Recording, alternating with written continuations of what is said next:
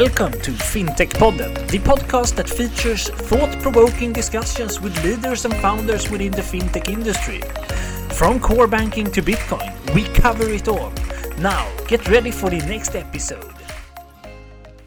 Hello there! In today's episode, which is a special one, you won't hear from either me or Johan. Instead, you will be listening to a third co host, Christopher Nilsson. Christopher is a close friend of ours, and he is a co founder of an interesting company active in the legal tech industry. They're called Maintract, and they work with bringing smartness to real world contracts. And in this episode specifically, he, uh, Christopher will be interviewing Charlotta Kronblad, who is a researcher within the area of digitalization of legal services. And Charlotta have over 10 years of experience as a lawyer, including works at Mannheimer Swartling and Quartz, before she went over to the world of academia. Now, let's jump straight into the episode and listen to Christopher and Charlotta's conversation. Hi, and welcome to FinTech Podden, Charlotta. It's great to have you with us. Thank you so much. It's really nice to be here. Yeah, really. Um, so, can you just uh, start by telling us a bit about yourself and your your background?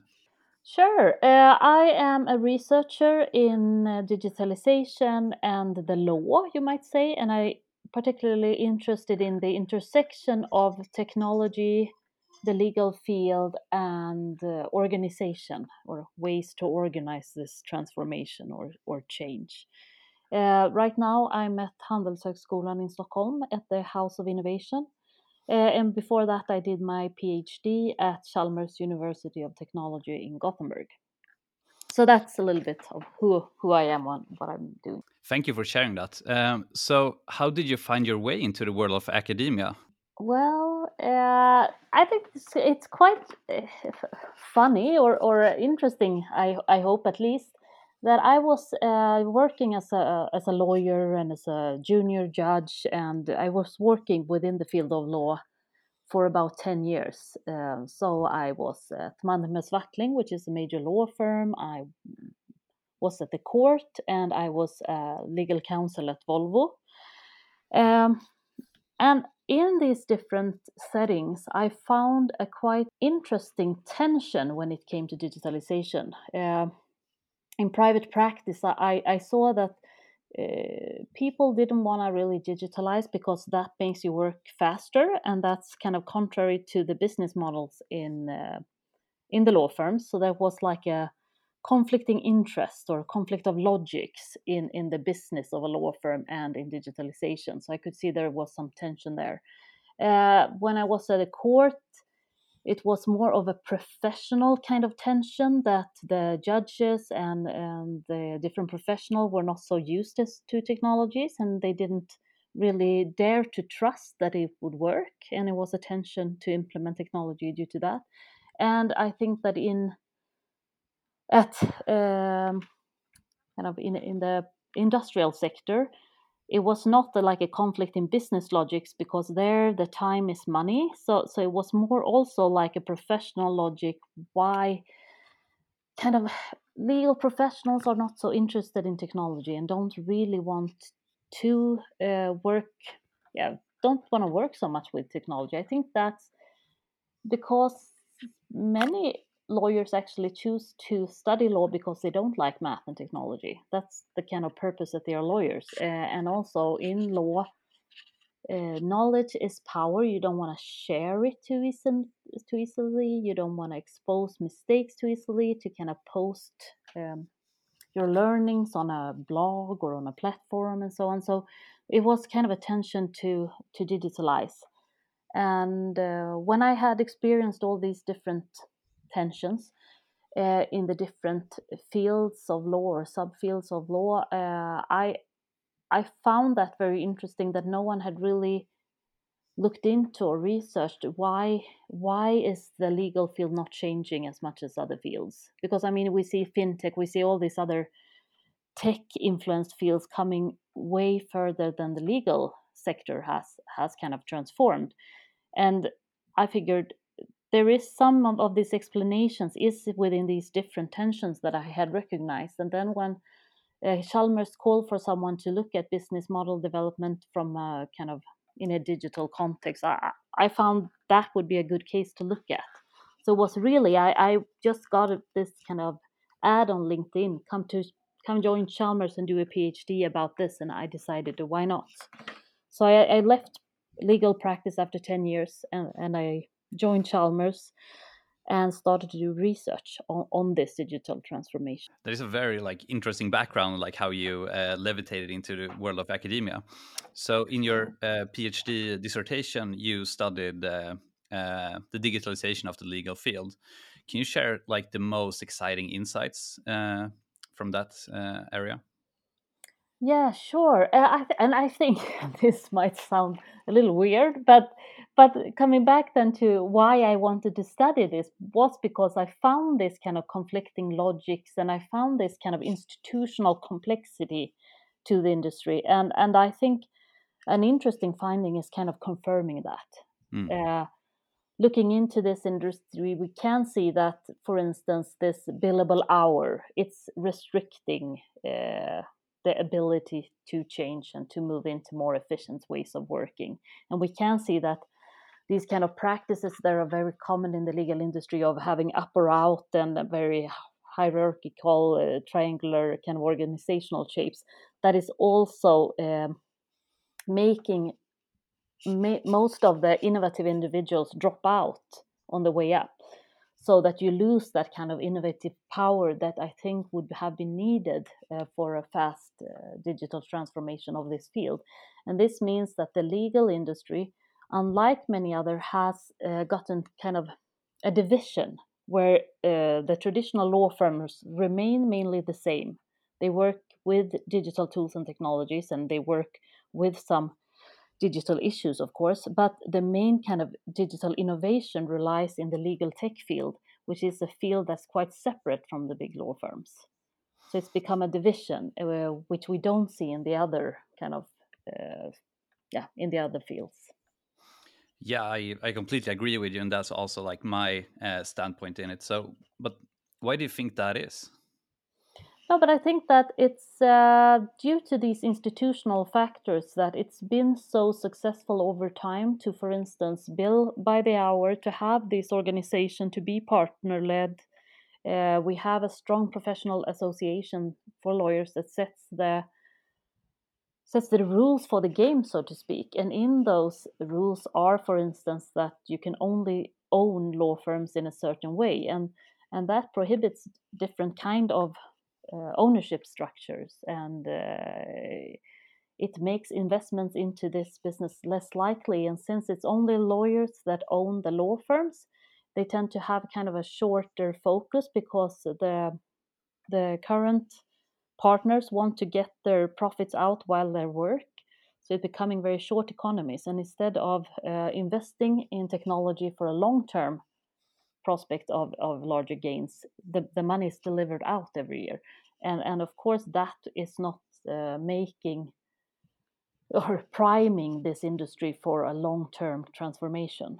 Uh, the legal tech firms are not prohibited by these kind of rules. They usually want to stay outside of the jurisdiction of the professional professional associations, so they work on the outside, and they have a much larger freedom than in how to be organized and how they can be owned and financed, and how they can also um, what kind of business models they can have. So they have a, a much a much more um, adaptable organization and business model to uh, digitalization, and that can move faster in that uh, area. Yeah, I, I, I, completely agree with you, and that's basically like our uh, insights into the area as well. Uh, uh, and our uh, customers are more or less very like uh, glad that we have a subscription model and not like pay per use or pay uh, paper. Yeah, exactly, exactly. Um, so moving on to what you currently are doing. So you are conducting research within the area of algorithmic decision making in the public sector and how it should be handled and considered in the eyes of the legal field, right? Yes. This is a very interesting area as it more or less uh, is something that uh, that needs to be brought to light as more and more decisions are being made through uh, automated uh, algorithmic support.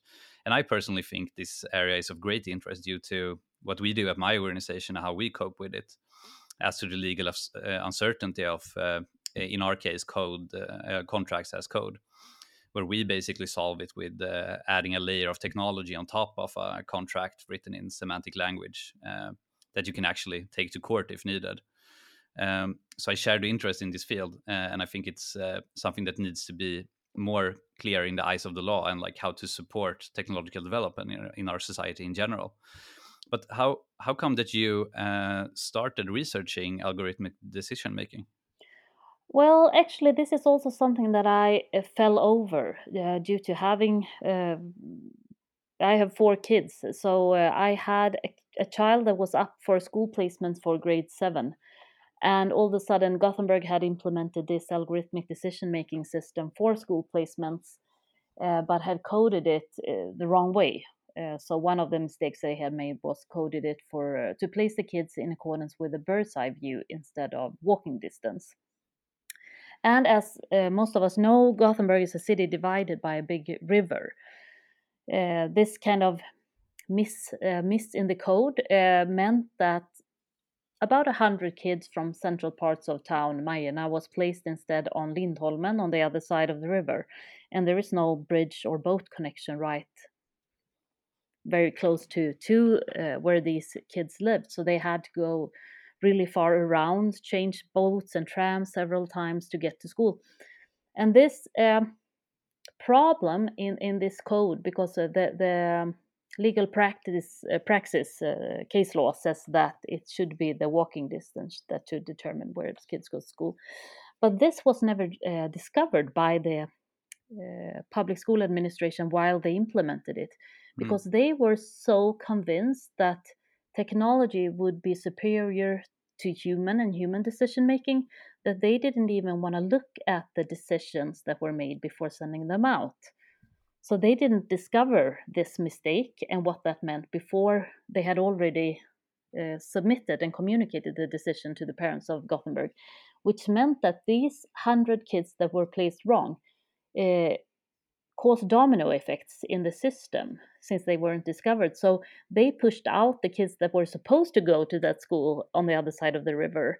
Hundred of those kids couldn't fit there anymore, so they were pushed to another school, and at that school they pushed away hundred other kids, and so on in six rows. So this uh, initial mistake of coding for bird's eye view instead of walking distance, which is illegal, uh, caused very many additional problems in, in the system. And I think it was about um, 1,400 kids that were placed at schools where they would not have been placed if it had been coded correctly. Um, and of course, 1,400 kids getting the wrong decision, it, it, I think it's a quite of a big problem. And it shows that in algorithmic decision making and when we implement that, we need to be careful because all of a sudden it can be really problems at a, at a large scope. Very many problems can occur at the same time, and we need to really be considerate of that. Uh, what I tried to do after that was to, as part of my research, sue the city of Gothenburg to kind of get the courts to address this issue and determine uh, if the code was legal or not. So a laglighetsprövning in Swedish at, at the administrative court. The problem there was that they don't understand this kind of uh, discussions when you talk about the systematic the systematic effects in the algorithmic decision making system.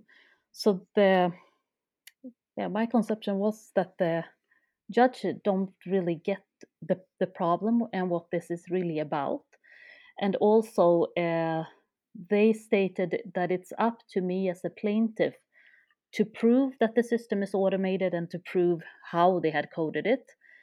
Uh, and turning in uh, analysis and showing like 100 kids who wanted to go to this side of the river went instead to the other side and turning in these kind of al- uh, analysis of the actual placements was not deemed enough evidence to prove the inner workings of the algorithm and as the algorithm was never provided it's showing that it's uh, merely impossible for a civilian to go up against an algorithmic decision making system and win.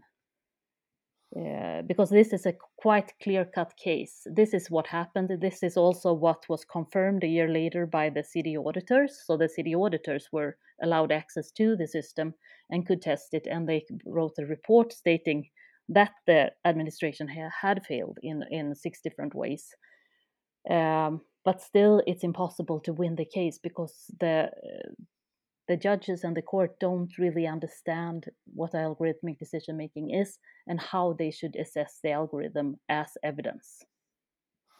Mm, yeah, I see, and I I also share like the interest in the in this field since it's so important because it's uh, I mean this case is uh, uh, uh, of course very important, but it also like affects so many different like types of like technological Yeah, yeah. developments A- And I think uh, it's it's not only administrative court, but it's uh, also affecting um, criminal court.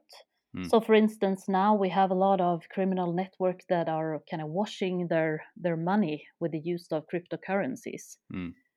And it's a problem if the judges don't understand what a cryptocurrency is, because then they can't get these criminals convicted for that crime.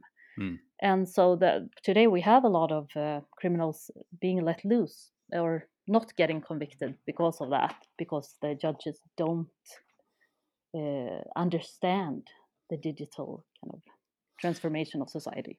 Mm, yeah, and I I, I actually like uh, read a report from uh, uh, I think it was a police officer in New York City or Mhm. like some uh, executive police officer. He basically said that uh, by using cryptocurrencies, we're all we're actually kind of thankful for that uh, since we can then actually track them. But I think um, they need a more systematic way to do it and like the the understanding of cryptocurrencies in general uh, for that kind of. Exactly. It, but he he has it right because all of a sudden with digitalization, there's traces everywhere. There's a so much information, but we need to understand what to do with it. And I think that's part of the problem. And I think also that it's the way that we have the the legal system playing out today with with the, all the courts, uh, all the judges have to be experts on pretty much everything.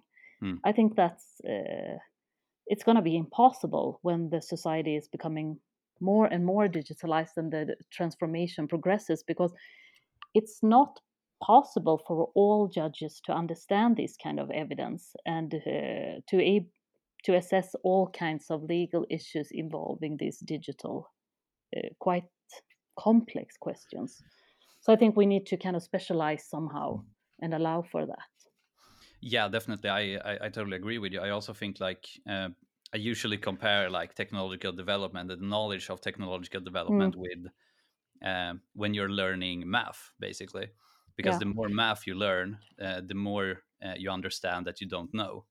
So exactly there's a lot of unknowns, unknowns, and that applies to this uh, this area as well. I think. Exactly. And I think that's something that I stress quite often that we have this problem of algorithmic illiteracy in Mm. society and particularly in the legal field. And uh, to be able to talk about the risks and the consequences of algorithmic decision making, we need a language to that we can actually use and understand. And the Mm. lawyers need to understand what they are, are talking about here. So, in order to handle the risk and to overcome that and to write good uh, legislation that actually targets these issues in the right way, we, ne- we need the language and then we need to understand the, the concepts and w- what it means.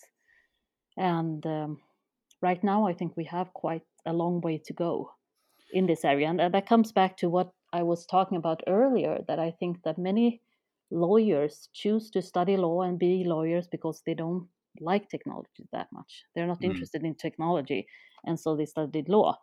Uh, but we need now a new type of lawyer that is also tech savvy and understands the algorithmic language a- and can kind of grasp all these consequences and, and the risks because that's the only way to handle it is, is, to be able to talk about it Yeah, exactly. Like bridging the gap of like how how terms are used, but also like looking at uh, technological maturity. Uh, a lot of technologies that are like being used today are uh, some are more mature and some are less mature. Yes. But I think also we need a more standardized way to like uh, discuss about them and how to actually communicate about them.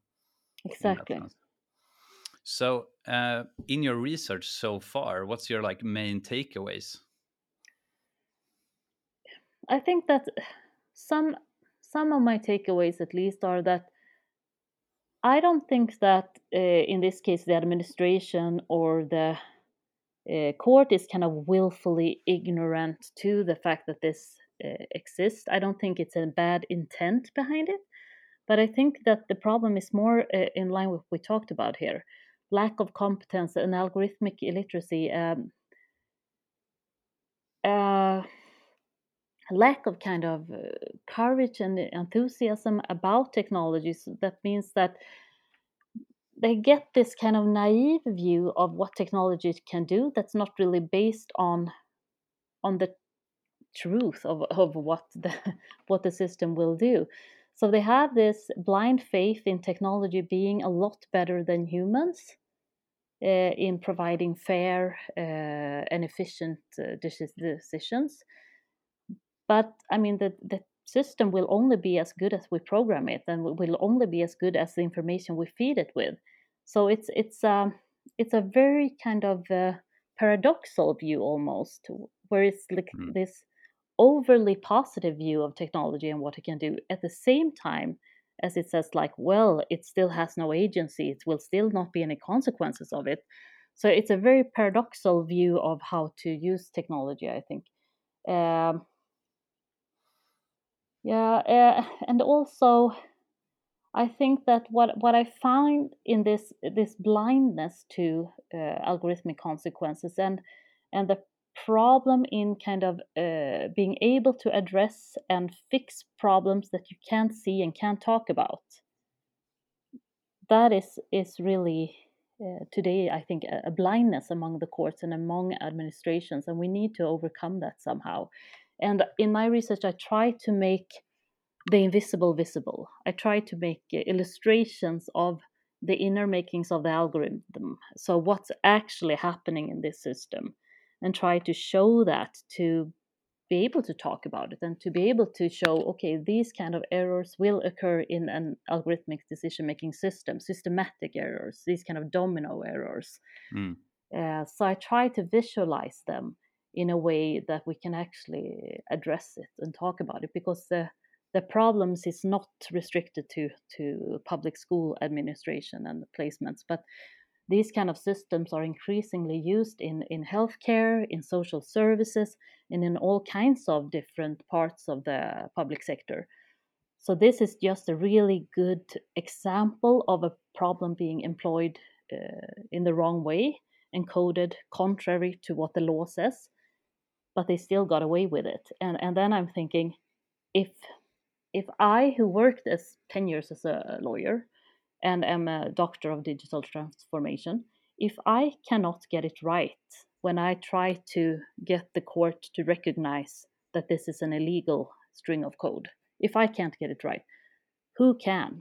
Mm. Can a civilian who's targeted by a social service algorithm that is wrong turn that into the administrative court and convince them that this has been a mistake? I don't, I don't think I don't think that's possible. I think that the the burden of proof falling on the plaintiff today uh, in these kind of algorithmic decision making uh, issues is is way too harsh. It, it's impossible to win a case over algorithms today.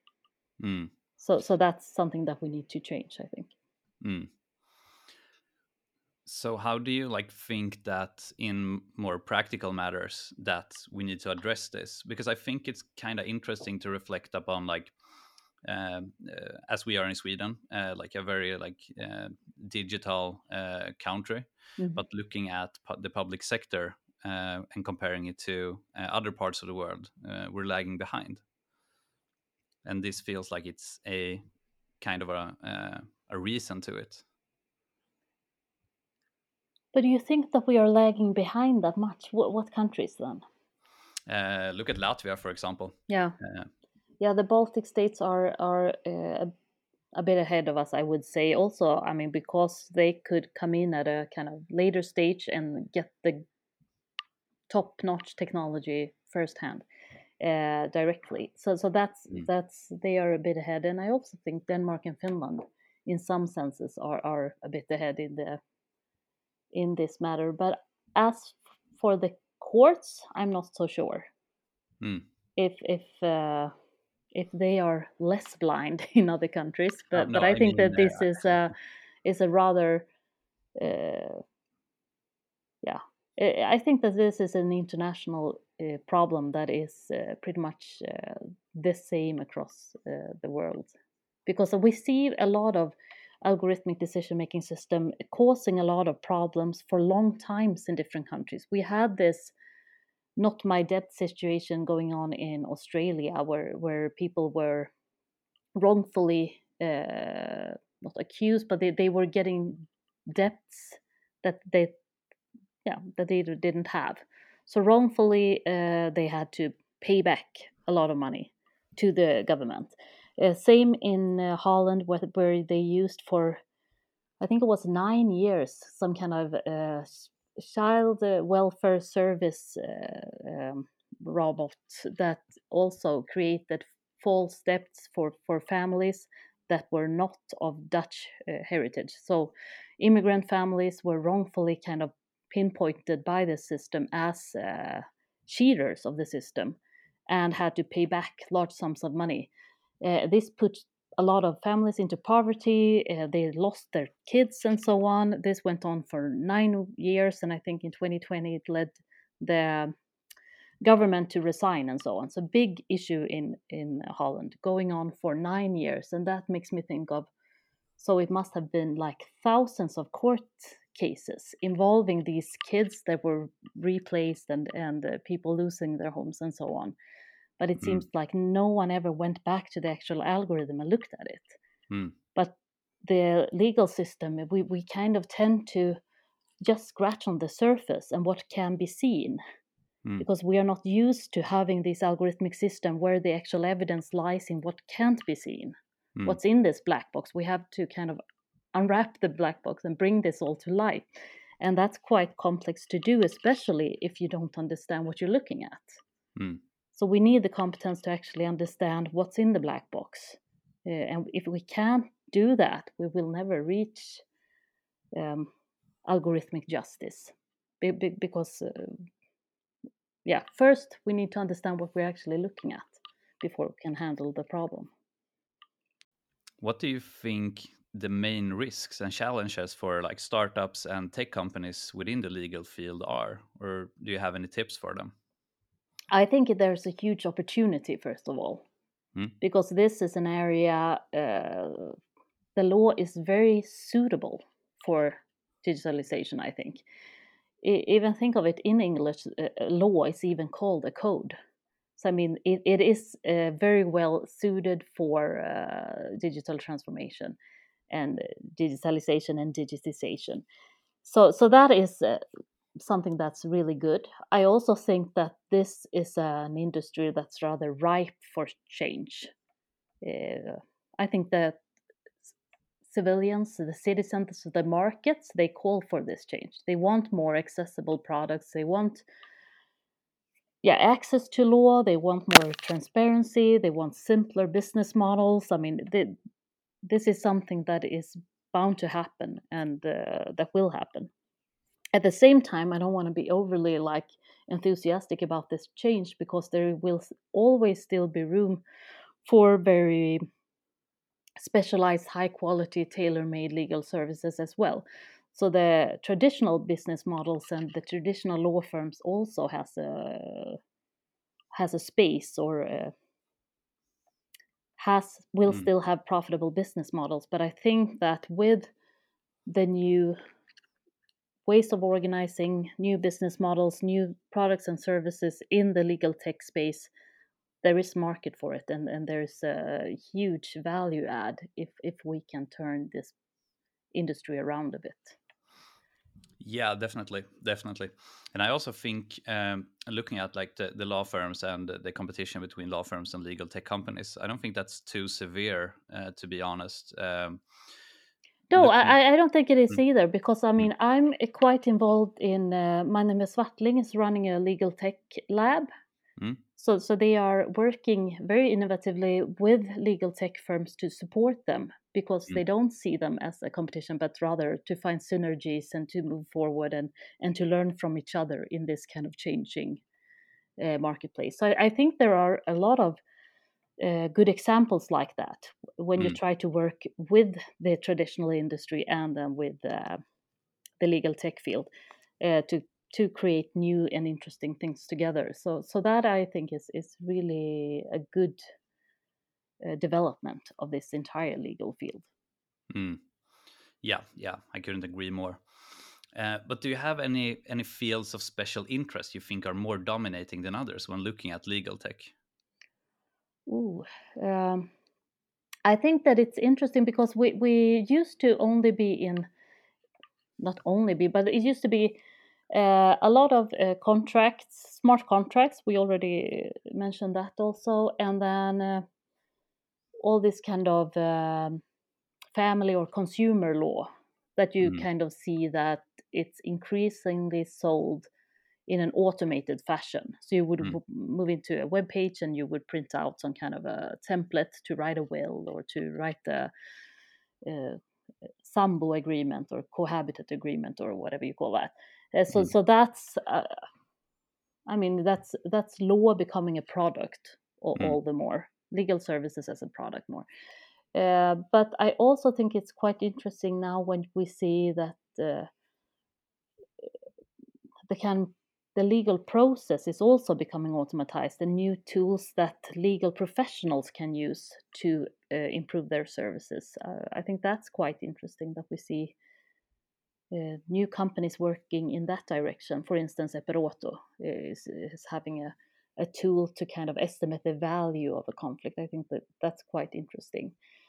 Um, yes, I think that it will be a bigger um, diversity of different kind of uh, legal tech tools both uh, that target the user directly or, or the consumer directly but also that helps the lawyer perform their services in a better way and i think that's also a change now because earlier it was mainly directed at efficiency but now mm-hmm. we also see a lot of new tools that are more uh, targeted quality and I think mm. that's important because, as I said before, it's a problem when digitalization is targeted or is marketed as an efficiency when what they still sell is hours. If we can instead say that digitalization will help in quality, then there's no conflict with this time issue or selling time, but actually providing more value uh, that's more in line with uh, with the strategy and business models of law firms and i think that will be an easier transformation to make if you have that kind of goal with your digital efforts. Yeah exactly. By basically like as you say uh, providing efficiency but also uh, increase the control and mitigate risks while doing it. Yeah and increase the quality of the actual advice by yeah. by handling more uh, more information and being able to analyze that in different ways. Mm. Yeah.